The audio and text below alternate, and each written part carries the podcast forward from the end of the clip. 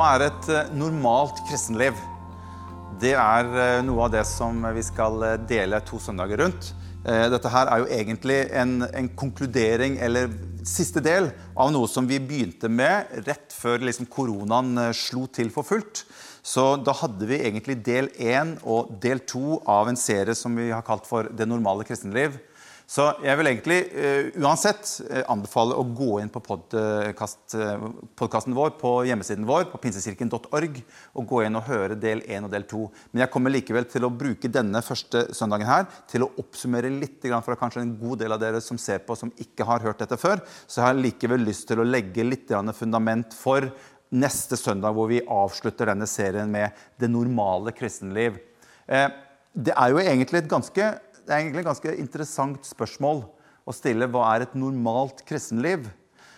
Og som jeg nevnte tidligere, så er det litt sånn at hvis, hvis Jesus er den som på en måte har levd et normalt kristenliv, og vi på en måte skal sette liksom standarden etter han, så tenker jeg at jeg får litt prestasjonsangst i forhold til det. fordi at det er et ganske bra liv å skulle leve opp til. Og jeg må jo spørre, og du sikkert spør deg, greier vi det i det hele tatt? Så hvis det er normalen, kommer jeg da til å leve et unormalt kristenliv? Og det er litt sånne ting som jeg ønsker at vi skal snakke litt om og dele litt rundt. Og jeg skal prøve denne søndagen her å ta dere med og oppsummere litt rundt del 1 og del 2, som vi begynte med før eh, vi skal ta siste, siste del. Eh, så vi skal gå inn i Skriften med en gang. Eh, vi startet denne serien her med å lese i Galaterne. Galaterne kapittel 2. Og det har vi brukt som en sånn skrift som er som en slags form for overskrift eller, eller underliggende skriftsted rundt alt det som vi skal dele. For Paulus skriver noe her som egentlig oppsummerer veldig godt det som vi deler i disse tre, eh, tre delene. Og Der sier Paulus fra vers 19 i kapittel 2 i Galaterne Der sier Paulus, 'Jeg er blitt korsfestet med Kristus.' 'Det er ikke lenger jeg som lever, men Kristus lever i meg.' 'Og det livet som jeg nå lever, lever jeg i tro på Guds sønn,' 'Han som elsket meg og ga seg selv for meg.' Dette her er jo egentlig utrolig radikale ord. Og jeg tenker Når jeg leser sånn som dette her, i år 2020, så er det mye her som egentlig går totalt på kontravers holdt på å si, med det som du og jeg får høre om ellers i media, i samfunnet, det er, jo, det er jo du og jeg som skal leve. Det er jo jeg som skal selvrealisere meg selv og alle mine drømmer og alle mine begjær og alt det jeg ønsker å oppleve og gjøre, alt det jeg kjenner for, det skal jeg ha en frihet til absolutt å kunne gjøre. Så når jeg leser dette, så er dette ganske radikalt. For Paulus han oppsummerer egentlig det som, som vi snakker om her. Han sier egentlig at 'jeg lever ikke lenger selv', sier han.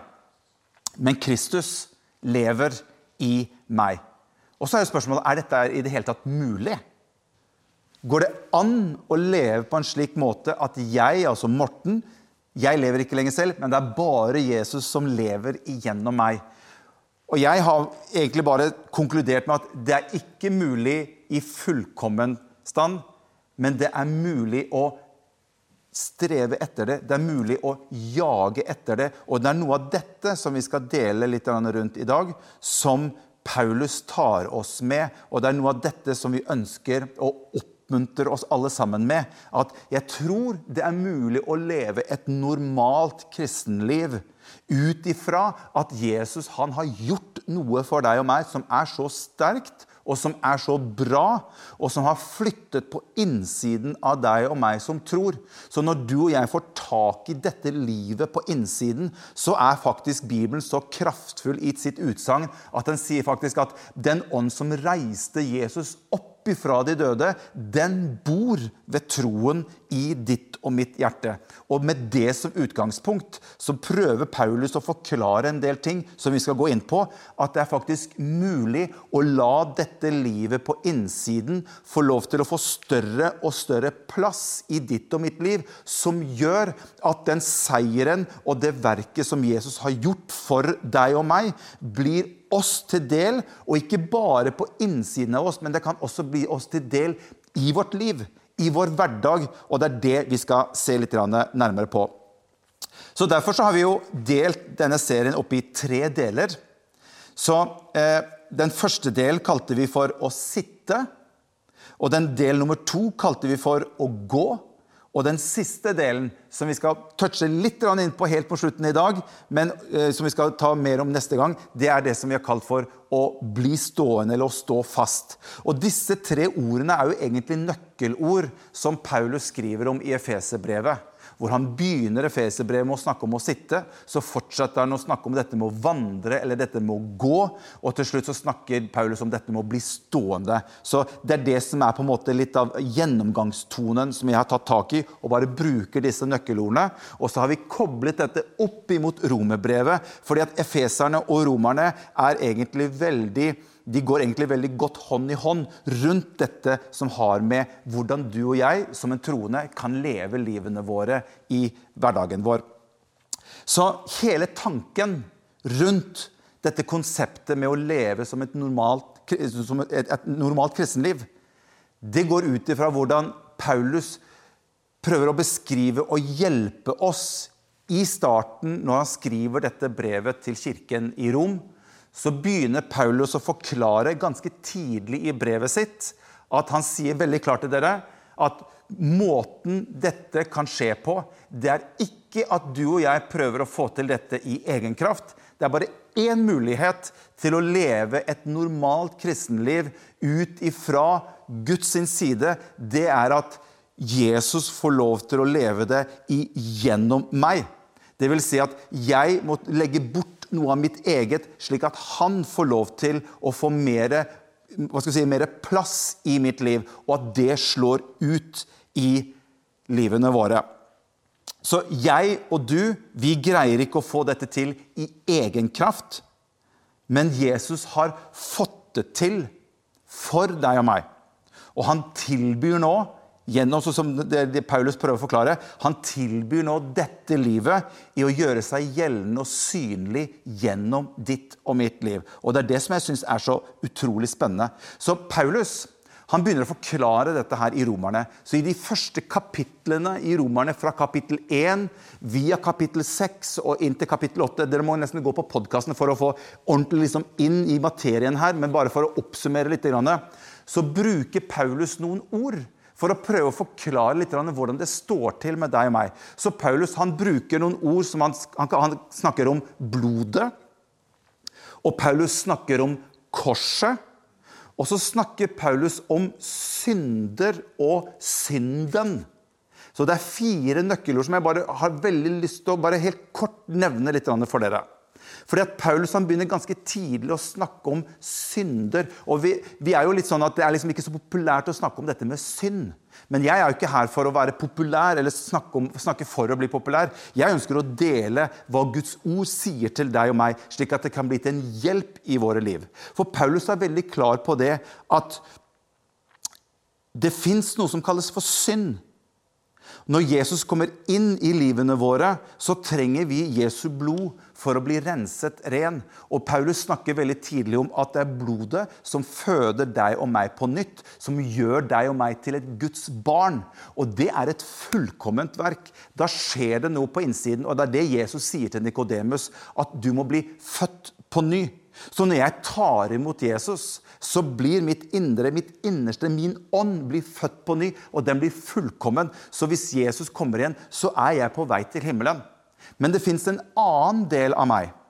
Det er Morten. Det er på en måte kjøttet mitt, det er sinnet mitt, tankene mine, mitt sjelsliv. Det blir ikke fullkomment gjort. Dessverre.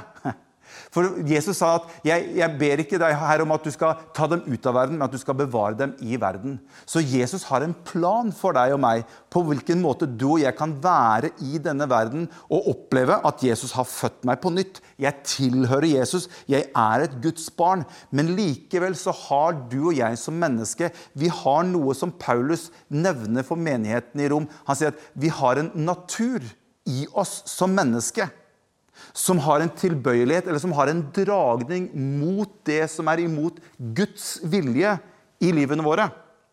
Og det er der han snakker om at når, når vi gjør synd, så gjør vi det ut ifra at vi har, en, vi har en dragning mot det i kraft av den identitet og i kraft av den natur som finnes i oss som mennesker.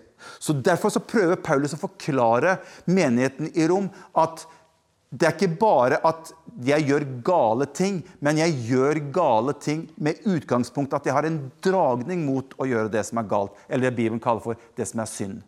Og synd i Bibelen, det er egentlig å bomme på målet, bomme på det Gud har for meg. Og Så begynner Paulus å forklare at det går an å få inn i livene våre en dragning mot det som har med Guds rike å gjøre. Og det her, det, det her som jeg syns er litt spennende, for jeg forklarte eh, i, i, denne serien så forklarte jeg Kanskje noen av dere husker det. At hvis vi bruker bildet at dette med å spise er synd Nå er ikke det synd å spise, vi må spise, men jeg har bare lyst til å bruke det som et, eh, som et enkelt bilde som jeg tror vi alle kjenner oss igjen i. La oss si at det å spise var synd. Så sier Paulus at du spiser ikke bare fordi at du spiser, men du spiser fordi at det er noe som melder seg hos deg og meg som kalles for sult. Det er at jeg plutselig kjenner i meg selv at nå er jeg sulten, nå kan jeg godt tenke meg å spise. Så jeg spiser fordi jeg er sulten. Og det er det Paulus prøver å forklare. Jeg synder fordi jeg har en identitet i meg som dras mot å synde. Og Det er dette Paulus bruker som eksempel. Han sier at det fins en måte å ta tak i dette i livene våre. Derfor sier Paulus at blodet kommer inn for å føde deg og meg på nytt. Vi blir et Guds barn. Men så snakker Paulus om at korset, Jesu Kristi kors, der han dør, det har også en effekt inn i livene våre. Så jeg trenger korset for å på en måte korsfeste den dragningen jeg har i meg til å gjøre det som er mot Guds vilje. Og det er det her som, er så, som jeg mener, som jeg syns er så utrolig spennende. For Paulus han introduserer deg og meg for en mulighet til å korsfeste den dragningen vi har i kraft av vår natur, mot det som ikke Gud ønsker for livene våre. Og Det er dette som er så utrolig bra, som Paulus jeg synes han, han gjør det på en fantastisk måte. Og Det er det som jeg ønsker bare å dele og oppsummere litt for deg og meg. Det fins en mulighet, og det er derfor Paulus sier at 'jeg er korsfestet med Kristus'. sier Han Han sier ikke at 'jeg er født på ny'. Det bruker han ikke i, i det eksempelet i Galatene. Men han sier 'jeg er korsfestet med Kristus'. Ja, Men vi vet jo alle at Paulus ble ikke korsfestet med Kristus. Jesus ble korsfestet alene der. Han hadde to røvere, én på hver side. Det husker vi. Men Paulus var jo ikke der. Du var jo ikke der. Jeg var jo ikke der. Likevel så bruker Paulus dette bildet at 'jeg er korsfestet med Kristus'. Hva er det Paulus mener for noe? Hvem er jeg? Jo, det Paulus mener her, det er at min identitet, min natur, den delen som ikke blir født på ny når Guds ånd tar bolig i meg, den er blitt korsfestet med Kristus. Og Jeg skal komme inn på dette her neste søndag, for dette her er veldig veldig bra. Men Det er derfor Bibelen snakker om at jeg må ta opp mitt kors og følge Jesus. Det er her vi er inne på en løsning som gjør at det fins en mulighet for at korset hjelper meg i å korsfeste den naturen som finnes i meg, som dras mot å gjøre det som Gud ikke ønsker at jeg skal gjøre. Og Derfor så sier Paulus at vi har i utgangspunktet at det som, jeg, det som jeg ikke har lyst til å gjøre, det onde jeg ikke vil gjøre, ja, det gjør jeg. Men det gode som jeg ønsker å gjøre, det gjør jeg ikke. Og her er denne hva skal vi si, kampen som du og jeg lever i, og som det fins en løsning for. Og det syns jeg er bare fantastisk. Så hadde vi hatt vanlig gudstjeneste nå, så hadde jeg sagt og alt folket sa, og så kan du si nettopp der du sitter det var et par av dere som ikke gjorde det, men det kan, det kan si det for det. Ok, Vi skal gå videre. For det vi begynte med i denne serien, det var at vi hadde, vi hadde to ord som vi har gått gjennom. Og det første eh, nøkkelordet som vi, som, vi, som vi, snakket om, det var å sitte. Så når du tar dette som Paulus starter med i romerbrevet, i de første kapitlene, og så drar vi det over i Efeserbrevet, så begynner Paulus på en fantastisk måte å forklare vår posisjon. som nyfødte, født på ny, mennesker som har tatt imot Jesus, hva som skjer med deg og meg. Og så forklarer Paulus hva som er ekstremt viktig for deg og meg. Og Vi skal lese et skriftsted som står i Efeserbrevet 2, og så skal jeg forklare litt mer. Efeserne 2, og fra vers 6 så står det I Kristus Jesus, det her er fantastisk, har han reist oss opp fra døden sammen med han og satt oss i himmelen med ham. Så du nøkkelordet? Satt oss i himmelen med han. Slik ville han i de kommende tider vise hvor overstrømmende rik han er på nåde, og hvor god han er mot oss i Kristus Jesus. For av nåde er dere frelst ved tro. Og så er Paulus veldig klar på her. Ref det vi har snakket om nå. Det er ikke deres eget verk men det er en Guds gave. Så Paulus bare minner oss på at den eneste måten å leve dette livet på, det er å la gudslivet få lov til å leve gjennom oss. Det er ikke deres eget verk, men Guds gave. Det hviler ikke på gjerninger for at ingen skal skryte av seg selv. Å, så lett det er å skryte av seg sjøl noen ganger. hva? Og vi som kristne, hvor flinke vi har vært til å skryte av oss sjøl. Og nå har jeg vært så flink, nå har jeg gjort så mye godt. Og så, og så legger vi det på en måte som en slags form for litt sånn vi, vi, vi, vi får en litt sånn, litt sånn, status i forhold til at vi er litt flinke. Og Paulus er så klar at det hviler ikke på gjerninger for at ingen skal skryte av seg selv. For vi er hans verk, skapt i Kristus Jesus til gode gjerninger. Som Gud på forhånd har lagt ferdig for at vi skal vandre i dem. Det er ikke snakk om at vi ikke skal gjøre gjerninger. Men alt starter, alt slutter med Jesus. Han har noen gjerninger for deg og meg som vi skal ved Hans nåde få lov til å gjøre. Og dette poenget som Paulus begynner å vise oss her i begynnelsen av Efeserne, det er det som er så utrolig viktig for deg og meg å ha med oss inn i vår relasjon med Jesus. Det er at du og jeg at vi lærer oss å sitte Hvorfor er det så viktig? Jo, og jeg har tatt med meg en, med meg en stol her. Fordi at Paulus han, han sier til oss at utgangspunktet for å leve et normalt kristenliv, det er at det begynner ikke med at du og jeg skal gjøre noe, men det begynner med at du og jeg lærer oss å skjønne og vite og får en, hva skal vi si, en, en forståelse av at det er noe som allerede er gjort. Og Det er det Paulus skriver i Efeserbrevet når han sier at, at, Kristus har reist oss opp, og så har han satt oss i himmelen sammen med seg selv, sammen med Kristus. Så jeg har, jeg har en stol her. Når jeg sitter på en stol, så lener jeg hele vekten min og jeg stoler på at den stolen jeg sitter på, den bærer meg, og ikke motsatt. Og det er her Paulus begynner hele si, vår vandring med han. Det er at Først må du og jeg lære oss å sitte. Og hva er det et bilde på? Jo, det er et bilde på at vi sitter i det Jesus har gjort for deg og meg.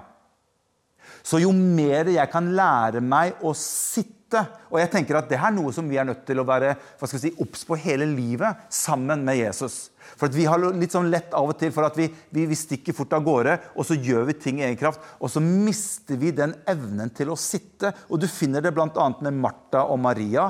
Når de var sammen med Jesus, så hadde Martha hun hadde kanskje glemt litt dette med å sitte, så hun fløy litt rundt, mens Maria hun hadde satt seg ned ved Jesus sine føtter for å lytte til han. Bildet på dette her det er at Paulus sier at Jesus har gjort noe.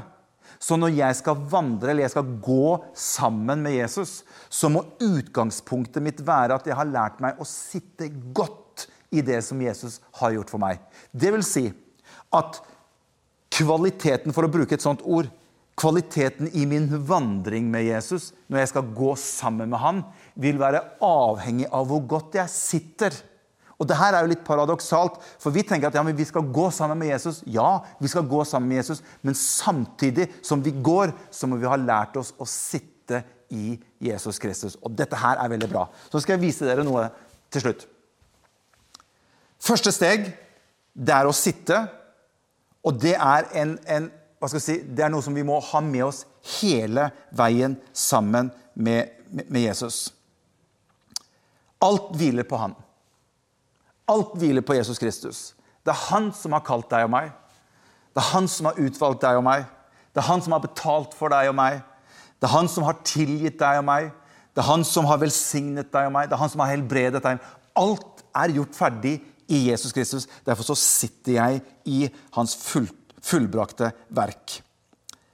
Men så sier Paulus videre i Efeserbrevet Vi skal gå litt videre, og så skal vi avslutte neste søndag. Så sier Paulus videre i Efeserbrevet kapittel 4 og vers 1. For vi kan ikke bare sitte. Gud har en plan for deg og meg. Gud har en, et kall for livet vårt, og han ønsker å gå sammen med oss. Og da sier Paulus i vers 1.: Jeg som er fange i Herren, formaner dere da til å vandre verdig det kall som dere ble kalt med. Så her ligger det et kall til å gå sammen med Jesus. Så nå har Paulus på en måte flyttet litt fokus av å sitte med Kristus. Så sier han at men vi skal også vandre med Kristus, eller vi skal gå sammen med Kristus. Og så står det videre i Romerne, i vers 16, og dette slo meg når jeg, når jeg leste dette på nytt igjen. Så sier Paulus utrolig klinkende klart, og få med dere hva han sier her. Han sier at dere blir enten enten slaver under synden, og det fører til død. Eller så blir dere slaver under lydigheten, og det fører til rettferdighet. Og det er her kampen begynner. For når du og jeg begynner å bevege oss og vi begynner å gå sammen med Kristus i det kallet som han har for ditt liv, og i det kallet som han har med for mitt liv, det er da du og jeg møter på utfordringer. Det er da du og jeg møter på motstanderen vår, den onde, han som ønsker å bekjempe deg og meg med alt han har i seg, som vi kommer til å komme tilbake på neste, kamp, neste søndag. Tro ikke at vi går igjennom dette livet, og det er bare en dans på roser. Absolutt ikke. Det å vandre sammen med Jesus, det koster. Det å vandre sammen med Jesus, det er en pris å betale. Men det fins noe i evangeliet, det fins noe i det Jesus har gjort, som gjør at vi kan ha det med oss på veien. Og Paulus er veldig klar at det fins bare to utganger av livet. Det fins bare to utganger mens vi vandrer her, her på, på, jorden også. Ikke bare for deg og meg som tror på Jesus, men for alle mennesker. Det finnes ingen nøytral sone i dette livet. Gud sier veldig klart 'Jeg har satt foran dere liv eller død. Velg livet'. Så det finnes ikke sånn, Du kan ikke bevege deg i en nøytral sone enten du er kristen eller ikke kristen. Det handler bare om hvordan vil du forvalte livet ditt her nede på jorden. Så til slutt så skal vi bare touche inn på det siste delen før vi går videre til neste søndag. For da, i slutten av Efeserbrevet så kommer Paulus til Efeserne kapittel 6 og vers 10. Og det er veldig bra. Så sier han til slutt bli sterke i Herren og i Hans veldige kraft. Så Paulus sier, vet du hva, dere, det fins en kraft her som du og jeg kan bli sterke i. Og det er den kraften som hjelper oss i vår hverdag.